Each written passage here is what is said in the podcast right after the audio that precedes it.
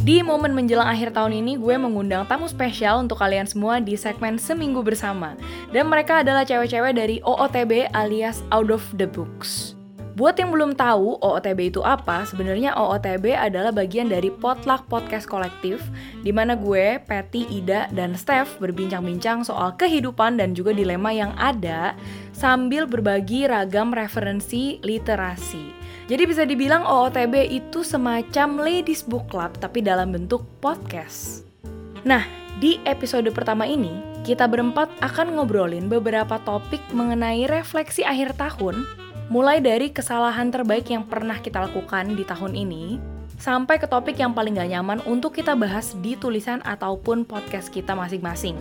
Seperti contohnya cerita keluarga, rasisme, sampai ke isu tentang seksualitas karena pengalaman edukasi seks yang cukup disturbing di usia dini. Jadi langsung aja dengerin episode spesial kali ini di segmen Seminggu Bersama Out of the Books. Apakah kalian tuh ada ritual-ritual uh, yang dilakukan seperti mungkin sesuatu untuk merefleksi diri Sholat tobat. atau mengevaluasi. Iya mungkin. Kan dulu gue main Tumblr ya. Terus waktu zaman zaman itu adalah satu apa postingan yang dia kayak menyarankan gitu. Di awal tahun lu bikin satu kayak tabung entah tabung atau entah apalah satu tempat gitu untuk naroin sepanjang tahun lu yang berjalan, jadi ini kita bikin botolnya di awal tahun nih. Hmm. Sepanjang tahun yang berjalan, tiap kali lo ngerasa ada sesuatu yang yang spesial, spesial tuh bukan cuma yang bagus-bagus ya, tapi yang sedih-sedih juga. Lo ambil yeah. kayak uh, post it gitu, terus lu tulis tuh tang tanggalnya apa dan apa yang lu rasakan di hari itu. Jadi lu uh, ceritakan kembali, tapi bukan diary ya. Jadi dia bentuknya misalnya 6 Januari uh, gue ulang tahun hari ini gue seneng banget saya gue di surprise nih gitu. Misalnya cuma gitu doang. Jadi bentuknya kecil-kecil dan lebih doable. Pernah ada satu tahun yang gue tuh melakukan itu. Jadi karena gue baca itu di akhir tahun gue jalaninnya di awal tahun setelahnya kan. Nah yeah, yeah, yeah. di ending tahun itu gue menghabiskan malam tahun baru dengan gue bukain satu-satu.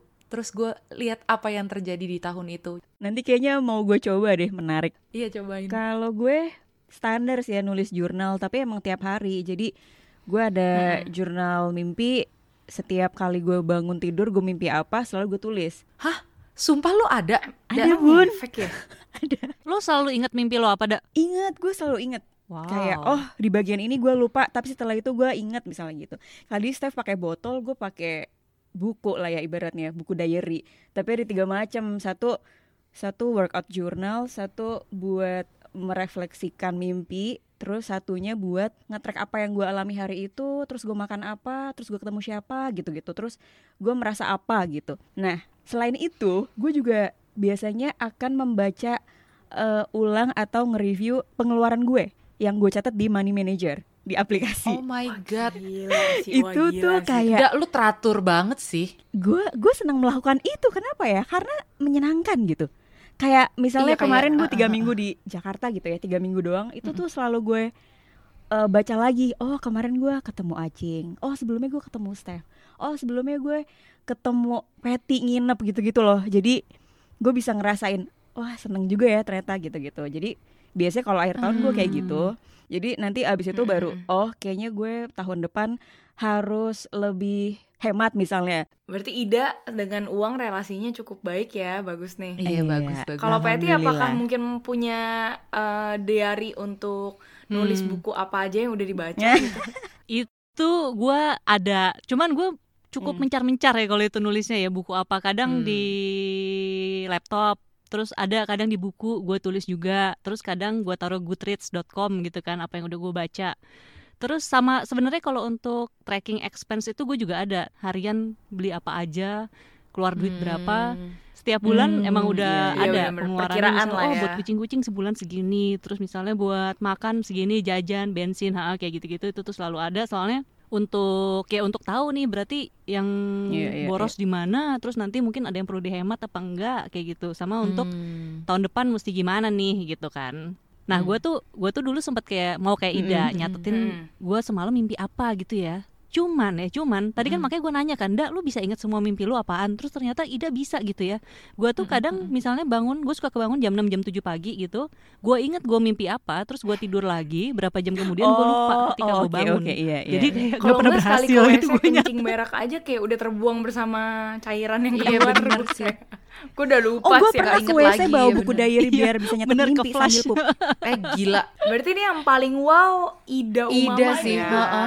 Maaf Ini banget. tuh bukan Juara, cuma juara, juara. bukan cuma refleksi, tapi juga menunjukkan betapa dia disiplin. Mungkin I think I want date you bisa ini ngajarin Hmm. gimana sih caranya dating journal gitu kan. Oh, boleh, ntar Iya gue seru loh, Da. Iya ya Biar buat kelihatan terakhir ini ya. mana nih yang balik modal. Kira-kira zodiak mana yang memberikan modal. Jangan cuma keluar di boncos Iya, aja nggak jadi apa-apa relationshipnya ya nggak? Tapi by the way, kita kan udah ngomongin ya soal kayak cara kita masing-masing untuk mengevaluasi hidup nih. Tapi gue punya pertanyaan juga. Gue cuma ini sih, gue cuma uh, inget gitu ya, Mhm. pas gue lagi lari, gue kan pakai aplikasi Nike, Nike Run Club kan. Itu pas lagi lari 40 menit, lu dikasih question yang cukup singkat, tapi untuk lu jawab sendiri pas lagi lu lari gitu. Salah satu pertanyaan nih yang keren adalah pertanyaannya kayak gini. What is the best mistake Hmm. that you've made this year? Hmm. Gue kayak maksudnya best mistakes Iya. apa? Gue kayak gue mikir gitu tuh. Terus habis itu orangnya ngomong kayak naratornya ngomong, kadang kita tuh mikir mistakes itu tuh selalu jelek. Mm-mm. Tapi eh, sebenarnya most of the time mistake itu bisa jadi best karena emang sebenarnya itu buat kasih lihat either lu tuh siapa Hmm. Atau lu itu sebenarnya harus naik level ke mana atau ke jalur hidup yang mana Hmm. gitu. Dan gue kayak anjir dalam ya Bo. Gue pas lagi lari kayak sambil existential crisis gitu gue pas lagi di GBK gitu kan. Jadi gue kayak pas lagi ngeliat itu kayak oh damn ya udahlah gue ya gue nu- gue nulis ya akhirnya gara-gara gara-gara si pertanyaan itu. Hmm. gitu. Kalau kalian gimana? Apakah mungkin ada yang kayak tiba-tiba kontemplasi soal mistakes atau mungkin atau mungkin nulisnya di Excel tentang salah Anjir. Tulis di Excel pakai gitu. rumus ya. Gue sih gue nulis di jurnal, jurnal pribadi ya. Karena kalau misalnya Steph gitu kan dengan suara puan atau kata puan kan emang refleksi gitu ya. Mm-mm. Mm-mm. Mm-mm. Terus Acing juga abjad tersirat kan in a way sebenarnya kan personal stories juga gitu. Cuma kan memang Mm. project gua keluarnya bukan tentang catatan pribadi gua. Jadi kayak kesalahan gua di diperbaiki di projectnya tapi memang nggak kelihatan karena itu Hmm. karena emang isinya bukan catatan pribadi. Kalau gue sih gitu ya. Tapi lu berarti dalam eh, merefleksikan kesalahan itu adalah kesalahan-kesalahan yang sifatnya personal dan mempengaruhi pekerjaan atau kesalahan-kesalahan yang sifatnya teknis, Pet? Dua-duanya. Yang Oh, personal oke. misalnya ada karakter gua yang kayak membuat projectnya nih jadi lambat gitu misalnya. Hmm. Kayak gitu. Jadi kayak oh ya mungkin gua harus gini gini gini gini gitu loh. gue ngerasa sih padahal main mata perfect aja ya. Iyalah. nggak tahu aja berdarah darah gue fansnya podcast main mata sih mohon maaf nih gue garis keras gue kalau ibu Ida gimana bu bu Ida keuangan Kalau kesalahan terbaik menurut gue resign dari Tempo sih. seru nih kenapa Karena- kenapa sih desain dan tempo kenapa tuh Karena gue nggak pernah berusaha untuk mendapatkannya. Terus gue diajak gitu. Jadi gue cuman menunggu respons. Begitu gue udah bikin podcast, udah membangun sistem dan semuanya, baru gue tinggalin gitu. Jadi buat gue kesalahan gue ini nggak salah-salah banget karena at least mereka tinggal ngelanjutin gitu. Iya, iya. Terus Hmm. yang kedua, gue nggak akan tahu nasib gue kayak gimana kalau gue nggak resign dan gue tetap di Jakarta selama awal-awal pandemi sampai peak kemarin yang Juli itu yang sangat menyeramkan Delta. Mm-mm. hmm. Dan gue akan lebih merasa bersalah karena gue ninggalin nyokap gue di rumah gitu. Iya, Hmm. iya, ngerti Iya ngerti. Iya, Jadi, iya, iya. Gue pikir kayak wah iya juga ya. Tapi memang ini affecting ke bagaimana cara gue bekerja, bagaimana gue menghasilkan karya dan berpikir dan lain-lain gitu, Hmm, berelasi juga. Mm-mm. Cuman gue merasa bersyukur juga ya karena ya dengan gue pulang ya Raymond sama Patty jadi nelpon gue gitu terus ketemu Acing, Steph, Iya, kenal dan segala macam gitu Iya, kan iya, gue iya, iya. jadi punya mini box di kamar dan banyak hal yang mensupport gue ternyata ya sampai saat ini gue masih kayak ya udah di samping gue punya keterbatasan ini tapi Mm. gue punya keuntungan yang lain yang menurut gue ini adalah pengaruh dari kesalahan yang pernah gue ambil Hmm. gitu Iya, iya. tadi talking about best mistake gitu ya gue Hmm. tadi juga jadi keingetan Ida kan uh, resign dari Tempo dan ternyata gue sama Ida berhubungan Hmm. soal kerjaan Hmm. kalau gue ternyata uh, best mistake gue adalah magang di Visinema Hmm. gitu Hmm. sebenarnya kalau mau dibilang sudah move on atau belum belum karena sampai detik ini pun gue nggak nonton atau belum nonton Story of Dinda ya Hmm. karena Bangke. gue ngerasa nonton itu tuh jadi kayak Story of Acing kan brengsek maksud gue Kayak triggering ya, trauma triggering. kayak triggering triggering semua hal gitu tapi kayak gue di sini tidak mau menjelekkan si entitinya atau apa gitu cuma dari situ menyadarkan gue bahwa pertama kalau misalnya kita melakukan sesuatu cuma buat dapet title Hmm. atau approval orang most likely itu akan berujung pada kehancuran Hmm. maksudnya something yang nggak sustainable something yang lu nggak gitu bisa do it in a long run Iya, gitu iya, iya, iya. dan di saat itu em, gue nge-play Evisinema ya bener-bener iseng berujung pada akhirnya dapat magang bagus sih ada bagusnya ya jadi melatih untuk interview lah dan segala macemnya tahu tentang industri film seperti apa tahu tentang working culture-nya di Visinema seperti apa kerja sama banyak orang juga ngelatih communication skills lu juga kan Hmm. tapi kalau gue mau jujur lagi dari dalam lubuk hati gue yang paling dalam gue itu pengen cepet-cepet dapet stability dalam jawaban saat orang nanya oh sekarang lu di Jakarta udah kerja apa Hmm, Iya. ya. kan gampang ya kalau gue langsung ngomong gue kerja di Visinema selesai Hmm. gue Iya, nggak iya, akan iya. ditanya apakah gue ini istrinya orang apakah oh jadi lu selama ini ngikut sama suami lu ya? Kayak gue tuh triggered banget kalau digituin orang tuh gak lo? Hmm. dan gue susah ngejelasin. Ya lagi-lagi nih kita pernah ngomongin di episode kita yang OTB kan? Betul. yang ngomongin soal identitas dan pekerjaan. Dan memang gue sampai detik ini masih struggle di situ. Gue nggak tahu deh mungkin gue perlu tarot lagi kali sama Dela. Nggak paham gue. tapi gue selalu gue nggak tahu kenapa gue selalu ada di titik itu. Dan akhirnya gue jadi menyadari wah gila gue tuh take so many things for granted Hmm. dan eh, salah satunya adalah ada privilege untuk misalnya olahraga ada privilege untuk bisa kerja freelance kok kalau lu mau Hmm, Iya, iya. lu nggak mungkin mungkin oke lah mungkin saat orang nanya lu kerja apa freelance ya udahlah ya mungkin tanda kutip dalam bentuk gengsi nggak seberapa Hmm. tapi lu tuh kaya dalam bentuk waktu Mm-mm. Mm-mm. itu tuh yang gue kayak aduh anjir Iya. gila banget sih. Itu kayak pelajaran terbesar gue banget sih yang kayak Hmm. Bush Yunita Dewiana kamu selalu melakukan ini dari tahun 2010 kenapa? Gitu. Itu sih kesalahan gue. Iya sih. kalau kalian mungkin? Gue gue mungkin kalau looking back apa ya yang menurut gua paling salah dari hidup gua gitu?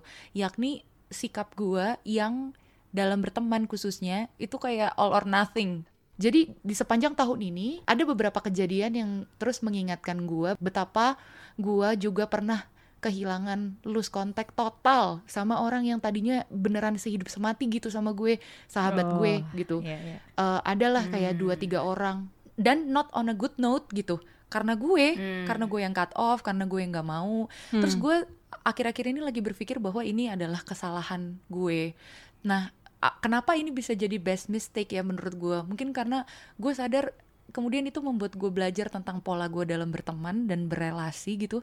Karena perasaannya nggak enak banget di satu titik misalnya sekarang. Kalau gue lihat-lihat lagi ke belakang kayak kenapa ya gue semarah itu ya? Terus sekarang tuh marahnya tuh udah nggak udah udah udah hilang bahkan udah lupa dan gue pengen temenan lagi gitu. Tapi ya gengsi lah dan segala macam dan kondisi dan juga nggak tahu dia di mana karena kita bener-bener lose contact gitu. Jadi gue merasa Oh, lose kontak sama sekali nih dari medsos pun. sama sekali pet. Dari medsos pun. Karena gue segitunya pet. Eh si Stefani tuh kalau bisa dikubur dikubur tuh orang Iya bener sih. gue rasa. Serem ya. tapi bukan bukan karena benci ya kayak karena gue kecewa banget nih gitu. Yang kayak Hmm. gitu kalau Hmm. gue pernah nanya nih sama temen gue temen deket gue gue tuh bucin nggak? Menurut lo gue bilang gitu kata temen gue ini enggak lu nggak bu lu nggak bucin tapi dalam hal pertemanan lu iya gitu. Jadi gue baru ngerti dan karena dia sahabat gue juga gue selalu bilang gue tuh punya tendensi ini loh dengan teman-teman gue yang teman-teman dekat gue yang lain gitu. Dan gue Iya, berharap iya, iya, iya. kita tuh jangan sampai bersimpang jalan deh gitu. Mudah-mudahan kita tuh tetap kayak gini.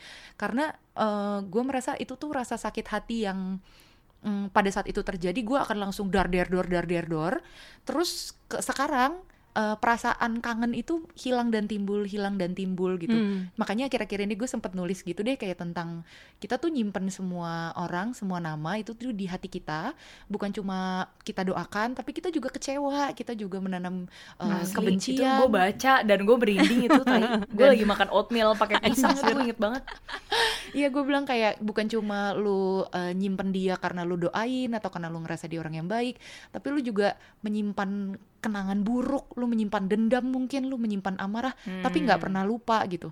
Nah gue pikir itulah juga dengan orang-orang yang teman-teman, sahabat-sahabat yang pernah pergi dari hidup gue, dua tiga orang itu, dan knowing that semakin ke sini temen itu kan makin susah didapat ya apalagi yang setia dan uh, panjang jalannya gitu. Gue makin belajar untuk kayaknya gue harus lebih berhati-hati deh gitu. Jadi in a way itu mengubah gue tadinya gue tuh merasa ini tuh sesuatu yang inilah gue lu take it or leave it. Tapi kayaknya nggak bisa gitu sih when it comes to pertemanan when it comes to relasi dengan orang lain kayaknya nggak bisa disamaratakan gitu. Dan di sini kita sudah menghadirkan tiga teman Stefani yang mungkin mau cerita juga. Kita seminggu bersama jadi tujuh orang rame. kalau lu apa pet Aduh, geblek. Mungkin kesalahan gue adalah terlalu lama berada berada di zona nyaman gitu kali ya. Emang gue kan anaknya nggak konfrontatif, terus emang ngalir Hmm. banget gitu ya. Eh, sebelum gue bikin main mata kan emang gue sama Remon kan kita punya project ilustrasi gitu kan ya. Tapi memang eh, ini tuh lebih ke dia gitu. Dan Mm-mm. itu eh, waktu itu gue memang oh ya udah ngikut aja dia mau ke mana mau ke mana aku mau ke mana gitu. Dan sejak si main mata ini emang gue kayak dijorokin lah bisa dibilang kayak gitu ya. Ya lo maunya kayak gimana nih? Bikinnya kayak gimana gitu. Nggak bisa ngikutin orang. Terus eh, Mhm. harus bisa ngarahin juga arahnya mau ke mana narasinya kayak gimana terus siapa aja terus bikin planning segala macam itu sesuatu yang wah gue lemah banget deh. Makanya gue tuh tidak terstruktur banget anaknya gitu kan. Jadi gara-gara si main mata ini gue belajar jadi belajar pelan-pelan gitu ya untuk bikin struktur terus bikin planning. Misalnya sesimpel oh gue mau seminggu sekali terus sama siapa siapa siapa siapa aja gitu. Wah dulu gue pusing Mm-mm. banget tuh ngurusin begituan kan?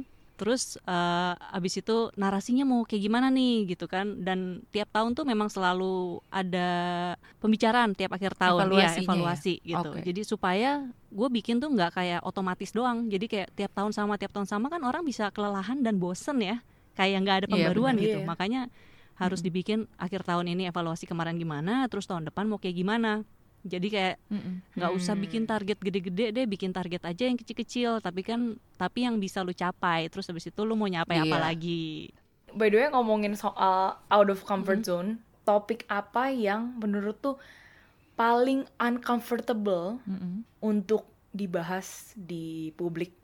Entah itu project lu sama OOTB Mm-mm. atau entah itu dengan uh, podcast kalian masing-masing gitu ya. Mm-mm. Dan berikutnya kenapa itu uncomfortable untuk lu bahas? Kalau gue ngomongin tentang latar belakang keluarga, kayaknya itu yang paling susah.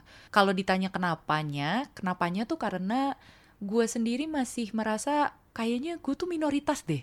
Kayaknya keluarga gue tuh bukan keluarga mayoritas gitu. Dan gue bahkan sendiri nih, ini aja deg-degan dan ngerasa salah kenapa gue mikir gitu ya. Jadi gue kadang-kadang ada pola pikir gue nggak berani tampil di depan umum, gue nggak berani menunjukkan muka gue sepenuhnya, gue nggak berani eh, berkenalan sama orang yang terlalu gimana atau mengekspresikan diri ngomongin so isu soal rasisme karena gue sendiri merasa gue memang minoritas gitu dan ketika gue nulis tentang perbedaan yang ada di at the back of my mind itu bukan tentang ras bukan tentang sara bukan tentang apa gitu loh. Itu jadi sesuatu yang gue nggak nyaman untuk tuliskan dan itu jadi bukan backbone gue aja sih kalau gue ya. Soalnya kan ada Baik, baik, beberapa baik. yang justru itu karena nggak nyamannya itu terus kemudian dijadikan bahan untuk diceritakan Hmm, atau itu jadi sesuatu yang jadi bensin lah gitu. Kalau gue justru kebalik gue malah sebisa mungkin gue menjauh dari topik itu gitu. Gue gua mungkin sama sama kayak Steph ya tentang keluarga ya tapi bukan bukan ras sih ya. Cuman ten- Hmm. tentang keluarga dan tentang diri gue sih ya. Gue paling gak nyaman tuh. Makanya mungkin gue bikin Hmm. podcast juga bukan ada story gue gitu di situ. Apa gue ngerasa kayak cerita gue nggak menarik deh gitu. Cerita hidup gue kayak ya gitu-gitu aja gitu. Cuman sekarang memang perlahan-lahan gitu gue udah mulai bersuara lah gitu. Dan thanks to podcast gitu ya gue jadi lebih berisik. Mm-mm. tadinya tuh bener-bener aduh nggak males ah gue ngomong tentang gue gitu. Bener-bener nggak mau gitu. Mm. Dan makanya sih di Hmm. OOTB pun misalnya ada kita bawa literatur atau bawa apa ya terus udah gitu kan dikaitin sama hidup sendiri kan jadi kayak mau nggak mau harus ngomong oh ya udah deh nggak apa-apa ceritain aja ya pokoknya paling gue inget Peti dikatain gentong aja. Iya, itu tuh yang paling the best kayak ceritanya. Gimana kalau Ida? Kalau gue nggak ada topik tertentu yang gue takut atau gue malu untuk ngobrolin sih selama ini tentang seksualitas juga gue pernah ngobrolin itu juga di podcast. Terus agama juga pernah. Terus orientasi seksual yang beragam juga pernah. Maksudnya isu-isu sensitif yang mungkin nggak semua orang yang berjilbab obrolin dan mau Mm-mm. dipublish gitu ya. Kalau Acing, emangnya lo ada Ci yang lo nggak nyaman gitu? Lebih ke seksualitas kali ya. Dalam artian kayak bagaimana setiap kita tuh mendapatkan pendidikan seks kita masing-masing.